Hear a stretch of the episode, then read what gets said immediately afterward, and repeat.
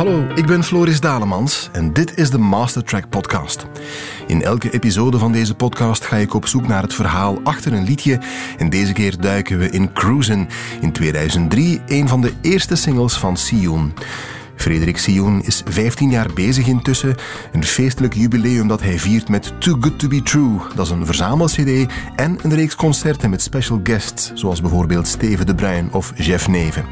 Maar zelfs zonder dat feest voor 15 jaar Sion is het een goed idee om eens terug te blikken op Cruisen en de vele verhalen die er intussen aanhangen.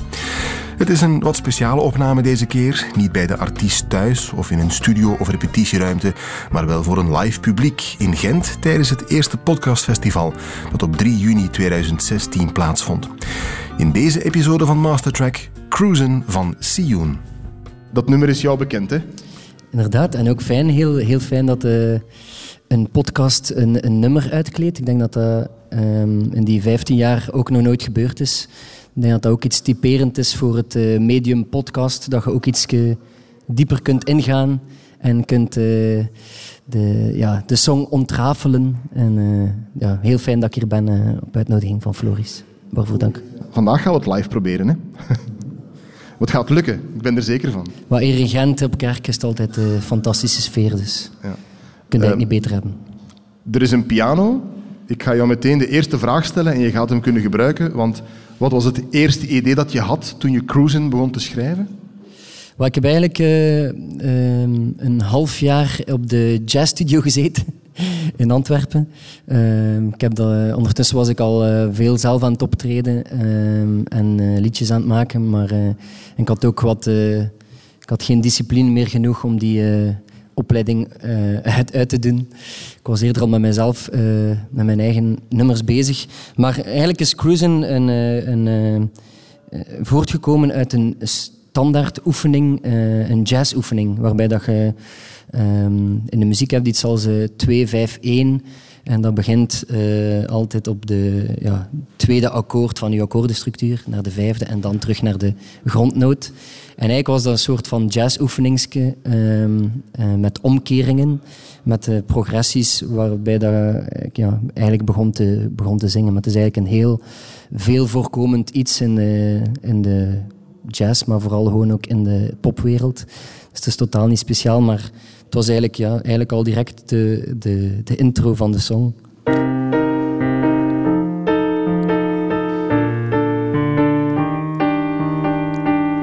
Dus het is altijd 2 en 5 en 1 van uh, het, het, akkoord in kwestie zijn de simol waarin dat begint, simol groot. Um, maar dat was eigenlijk de volledige basis van een nummer. Uh, het kan soms uh, heel simpel zijn. En zelfs in die, uh, in die mate dat het refrein um, dan ook gewoon hetzelfde is, maar gewoon uh, half, half tempo. dus ja, het is goed dat je daar niet voor moest gestudeerd hebben, dat is duidelijk. Uh, en dus eigenlijk het refrein is dan... Elke, elke pianist heeft dat ooit een keer moeten doen. Dus uh, ik heb daar dan gewoon een nummer voor gemaakt. Uh, eigenlijk was ik al zeer ecologisch aan het recycleren, feitelijk. Dus uh, ja, je moet een beetje duurzaam denken. Maar het woord duurzaam is uiteindelijk ook wel van toepassing gekomen bij, dat, bij dat nummer. Het is een beetje mijn ja, lijf, lijflied of song geworden. Ja. Is piano altijd jouw instrument geweest? nee, eigenlijk niet. Ik ben eigenlijk begonnen... Uh, zeer uh, rock and roll uh, op de dwarsfluit. Ja. maar het, probleem was dat dwarsfluit en, en zingen heel moeilijk was tegelijkertijd. nee, ik heb, mijn vader is muziekleraar en ja, ik was, werd dus positief gepusht, om het mooi te zeggen, naar de muziekschool. het handige was dat er heel veel meisjes ook dwarsfluit deden, dus ik was eigenlijk de enigste jongen in de klas. Um, waarvan al die inspiratie dan is voortgekomen natuurlijk. Maar um, dan ben ik eigenlijk op mijn 15 ben ik in een uh, uh, grunge band beginnen zingen en gitaar beginnen spelen. Uh, in een grunge band? Ja, dus dat was... dus ik was eigenlijk de, een beetje de Freddy Vedder van hen eigenlijk. Dus, ehm, en wat nummers van Nirvana en wat eigen liedjes. We hadden, de, de band heette Medium. Een zeer ambitieuze naam. Uh, Maar eigenlijk had het medium voor ogen, het medium tv of het medium podcast in dit geval. Uh, dat was een heel fijne tijd. Eerder een uh, alibi om uh, pintjes te drinken de vrijdagavond. En eigenlijk ben ik dan thuis, mijn moeder is hier ook trouwens, wij woonden hier om de hoek. begonnen op het harmonium, een ja, klavier waarbij dat je de lucht moet inpompen met je voeten. En dan ben ik eigenlijk mijn eerste nummertjes beginnen maken, maar dan later ook aan de piano. Ja. Het, was wel, het was wel een instrument waarbij dat ik mijn uh, eigen ding kon doen. Want als ik gitaar aan het spelen was, trapte ik altijd in een val van een soort van CM-akkoordjes, liedjes. Ik heb nog een, zelfs een t-shirt van de Levelers. Dus zet dat niet op Facebook of zo, of op Twitter. Maar ehm, dan zo, ja, alles leek gewoon op de dingen dat ik vanuit die songboek van de CM had of zo. En uh, op het piano had ik mijn eigen dat, gezag dat gemakkelijk liggen. En ik deed ook veel percussie. En in het begin, als ik piano speelde, noemden ze dat dan ook percussie met noten, mijn stijl. Maar ja, recyclage bij cruisen. Het is zeer herkenbaar. Hè? Als je het op de radio hoort en begint te spelen, dat nummer, je haalt het er zo uit door die heel herkenbare pianomelodie. Mm. Um, wat er dan meteen heel herkenbaar is, is dit.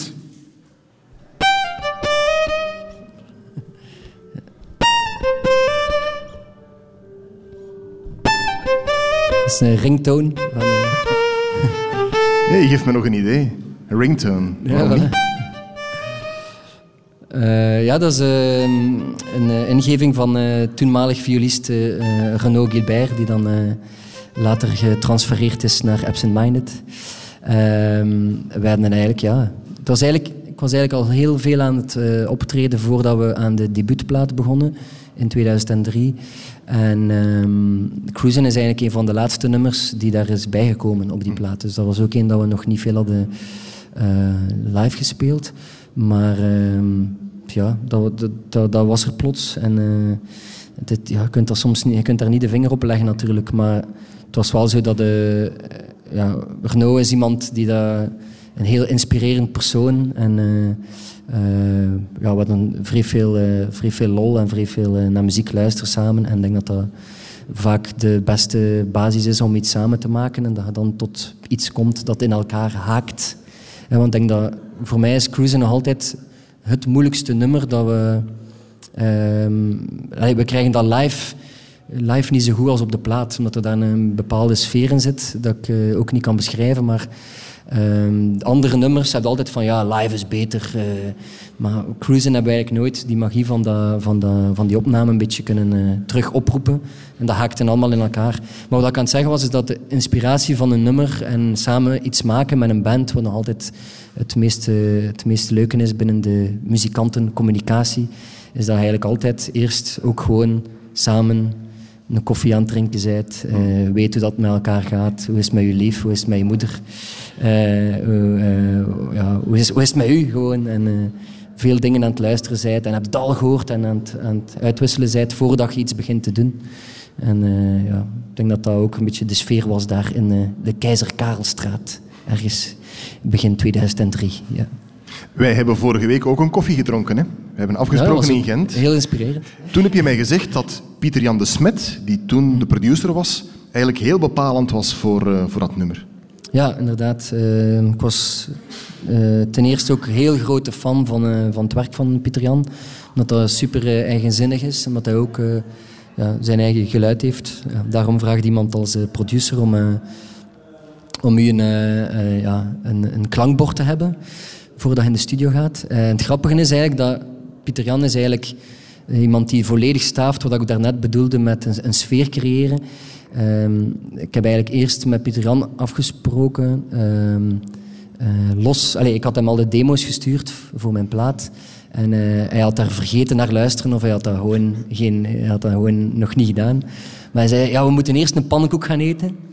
En uh, als we overeenkomen als mensen en als we elkaar kunnen vinden persoonlijk, dan uh, is pas de basis van... Dan ga ik naar je nummers luisteren en als ik dan ook goed vind, dan...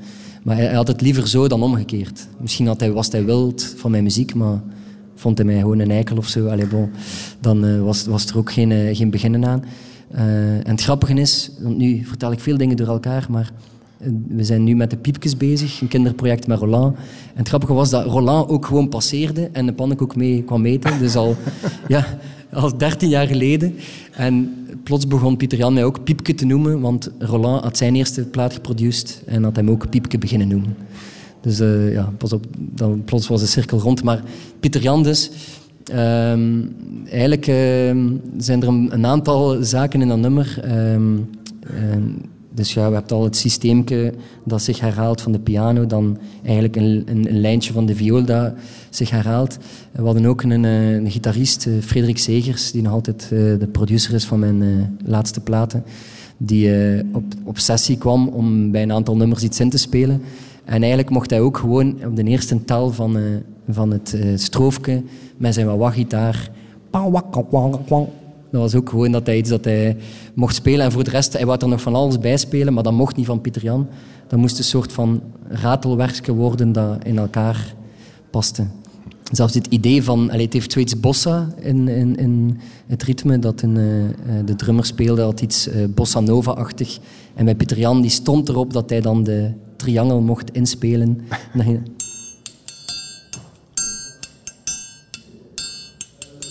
En elke keer als ik over cruisen begin tegen Pieter Jan, dan uh, begint hij terug over het feit dat hij toch maar die uh, triangel er heeft opgezet.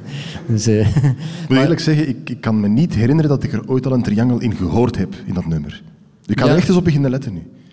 Wel, ik denk dat dat, er, dat dat een beetje deel is van het ratelwerk. Zelfs misschien die wah-gitaar die zo toch wel aanwezig, allez, aanwezig is, is, is, ook maar even. En dus ja, iemand die daar een gehoor voor heeft, of toch zeker een bagage van muziekkennis heeft, die, uh, ja, voor hem was dat verplicht erin en voor hem is dat nog altijd het sleutelmoment van cruisen. Je hebt het uh, net je lijflied genoemd. Hè? Een, uh, een lied dat zodanig met jou versmolten is dat het echt een lijflied geworden is. dat heeft ook te maken met iets wat ik nu ga laten horen. Het is alleen de klank. En we moeten zoiets maar uitleggen waarom het misschien onduidelijk is, maar ik ga het eerst eens opzetten.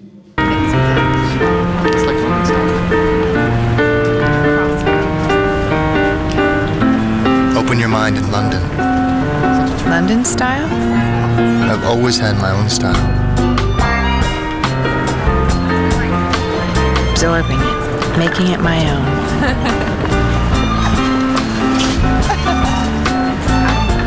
빈폴 스타일에 대한 새로운 생각. Beanpole International. Het is een beetje onduidelijk waarschijnlijk als je het zo hoort. Ik zal in de show notes van de podcast een link leggen naar de YouTube-clip van, dit, uh, van dit fragmentje. Leg eens uit wat het was. Uh, het is eigenlijk uh, ja, een heel een maf verhaal. mijn nummerken is gebruikt geweest in een reclamefilmpje in Korea. En ik kreeg daar in 2006 een brief voor in de bus om de goedkeuring te geven voor reclamefilmpje. En, ehm, maar ik wist niet wat de uitkomst daarvan was. En bleek dat het een, ja, voor een kledingmerk was met Gwyneth Paltrow, de actrice, die de kleren draagt en dus figureert. Daarnet um, ook ja, in het fragment voorkwam. En ja, het is dus eigenlijk een tweede leven gaan leiden, cruisen, om um, twee radioprogrammatoren, geëngageerde radioprogrammatoren, hebben dat nummer dan ook uh, vanuit het, reclamefilmpje opgepikt en zijn dat beginnen draaien. Waardoor dat uh, ja, het een beetje van een, uh, een hitje is geworden daar en dat ik nu voor de achtste keer daar mag teruggaan om te gaan spelen. Dus het is echt wel ja, een waanzinnig verhaal. Het wordt nog waanzinniger als ik u zeg dat ik eigenlijk ook... Ja, ik wist niet wat de uitkomst daarvan was, maar dankzij internet... In 2009 heb ik dan een, een Twitter-account aangemaakt. En toen zag ik dat iedereen uh, naar cruisen... Iedereen, dat er veel Koreanen naar cruisen aan het luisteren waren. En zo heb ik dan via internet ook weer een boeker daar kunnen, kunnen strikken. Um, het meest waanzinnige daaraan is zeer persoonlijk... is dat mijn vriendin is Koreaans, maar dat heeft er niets mee te maken. dus in 2006 krijg ik, dat, krijg ik die brief. In 2008 leer ik mijn vriendin kennen, een geadopteerde Koreaanse die in uh, Gent is opgegroeid. Uh, en in 2009 kom ik te weten dat mijn liedje populair is in haar geboorteland. Dus het is uh, ja, een heel waanzinnig leven. En ja, daarom zeker en vast niet, voor, in het minst mijn lijflied. Je spreekt intussen misschien beter Koreaans dan je Koreaanse vriendin. Ja, wel, eigenlijk wel. We zijn samen uh, aan het leren, uh, want zij is natuurlijk, op haar vijf jaar is zij die taal uh, kwijtgeraakt. Ze, heeft dat hier niet kunnen onderhouden. Maar ja, ik ben Koreaanse les aan het, aan volgen. En ga er volgend jaar ook drie jaar gaan wonen. ja, eigenlijk allemaal dankzij Gwyneth Paltrow, dus eigenlijk. Je hebt mij vorige week bij die koffie ook iets gezegd over een Koreaan die iets zei over cruisen. Uh, dat het een heel typisch nummer was voor een Koreaan, of dat het iets, iets zei over de Koreanen. Wat was dat? Ja, het is, het is uh, heel maf, want zoals ik zei, in de Keizer Karelstraat in Gent, uh, ergens met tussen pot en pint geschreven, en dan komt je in een ander land, een ander continent, en dan zeggen ze Your, your song is perfect emotion, perfect summary emotion for Korean. Yes. Yeah, this, your, your song is our emotion. En ja, dus is super maf dat, ja, dat ja, dagdromerige misschien dat erin zit, dat melancholische, uh, dat dat uh, ja, hun aanspreekt. En uh, dat is het fijne aan ja, muziek maken en taal van muziek. En natuurlijk ook de internet en de wegen die daartoe leiden. maar het is heel, heel maf en, en het is heel fijn ook dat dat publiek elke noot wilt horen. Dat is echt iets zeer typerend voor een Koreaan. Is dat... Wij zijn heel verwend hè, met een Belgisch publiek. Alle internationale bands komen hier om het jaar terug gaan spelen. Uh, 250 festivals in, in België, al die theaters, films. maar daar in Korea heb je ja, bands die een keer passeren in Seoul en dan direct doorvliegen naar Tokio en een, een tournee doen. Voor hen is het nog heel speciaal dat iemand internationaal uh, langskomt. En ze hebben ook veel minder, ja, de festi tien festivals of zo. dus ik bedoel, ze zijn echt wel zeer... Eigenlijk moet je geen noot spelen om eigenlijk al... Is eigenlijk al een winnaar omdat je er passeert, eigenlijk. Je hebt twee mooie woorden gegeven die mij een brugje geven naar het volgende stukje. Namelijk... Um, mooie momenten en festivals. Ik heb een stukje geluid klaarstaan van een festival. Je begint cruisen te spelen en je hoort meteen een herkenningsapplaus.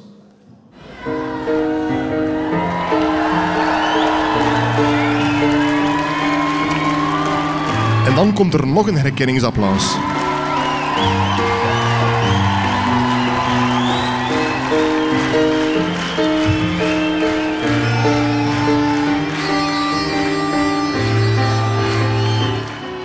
En dan wordt duidelijk waarom je nog een herkenningsapplaus krijgt, want er begint iemand mondharmonica te spelen. Ja, uh, dat was uh, eh, 2004 dat ik uh, Toets uitgenodigd voor een optreden op, op Dranouter. En ja, het was heel, heel maf dat we, hebben dat nummer dan met ons twee gebracht voor een, een volle concerttent. Ik krijg er nog een beetje kippenvel van. Maar ja, dat was een ongelooflijke ervaring ook, omdat ja, je begint uh, als, als muzikant. Uh, ik weet ook wel... Allee, Cruisen was eigenlijk... Iedereen zegt mijn eerste single, maar eigenlijk is dat niet waar. We hebben eigenlijk eerst See You Naked, de, titel, eh, de titeltrack van mijn plaat, naar de radio gebracht. Maar ze wilden, dat niet draaien. En dan ja, geluk, hadden we toen wel geluk met Cruisen, maar het, ja, het hangt eigenlijk soms van vrede toevalligheden af of dat iets door, doorstroomt naar een groter publiek. En um, om dan eigenlijk al een jaar later, nadat als single wordt uitgebracht, alleen met, met toets te doen, was uh, niet alleen spannend, uh, maar ook ja, een andere generatie, een, een, levende legende.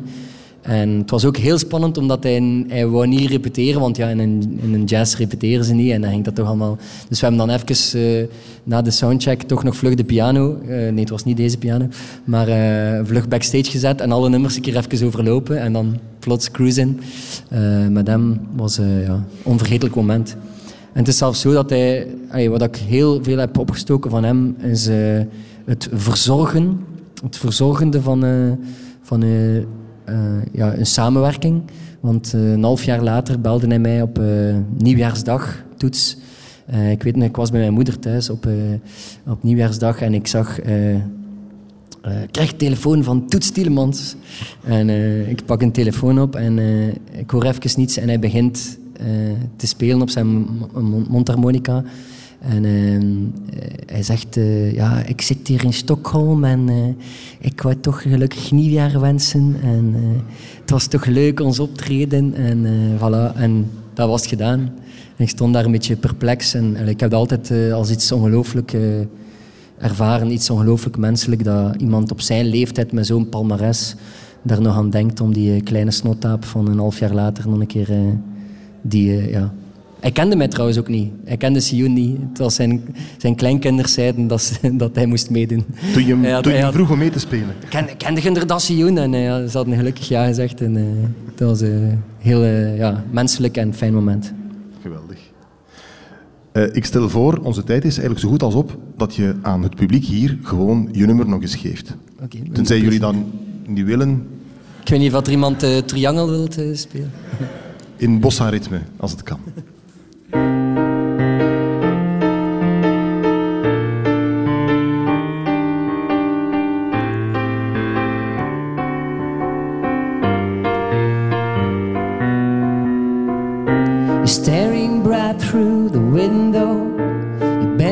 over to me. A sentimental forsaken. You're trying hard yet to comfort, but you're waving me goodbye. A sentimental forsaken.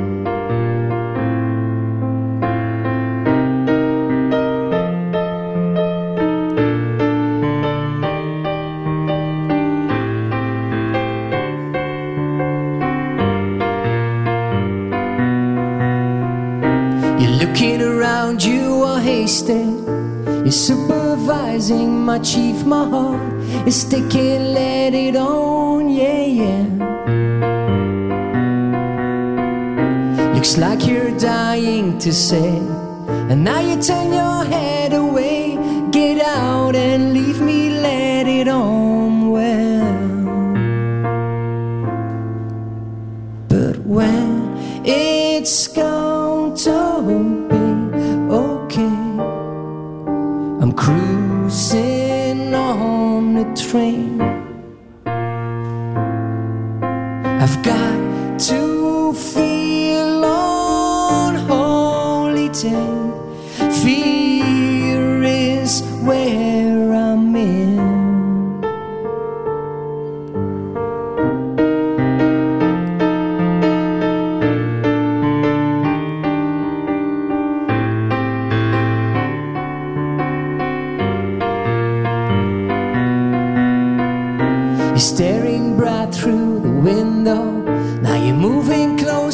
to me. A sentimental forsaken. Oh, you're trying hard yet to comfort.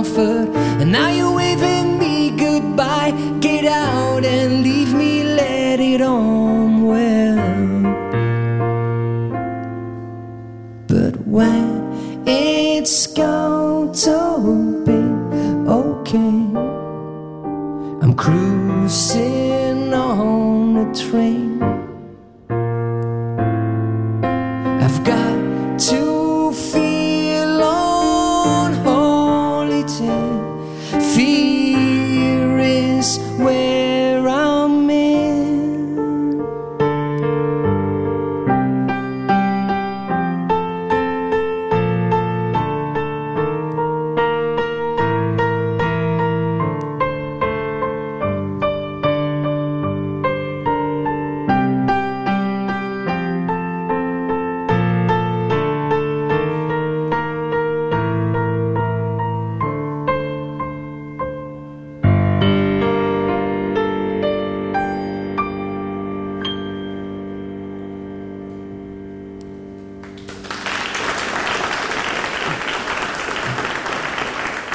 Sioen en Cruisen live op het podcastfestival in Gent.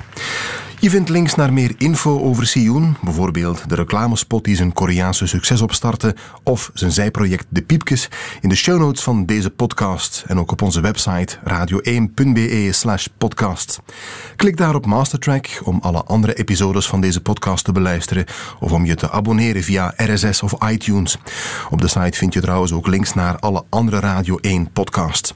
Info, vragen of suggesties voor Mastertrack zijn heel welkom. Je kunt e-mailen naar mastertrack.radio1.be. Tot binnenkort.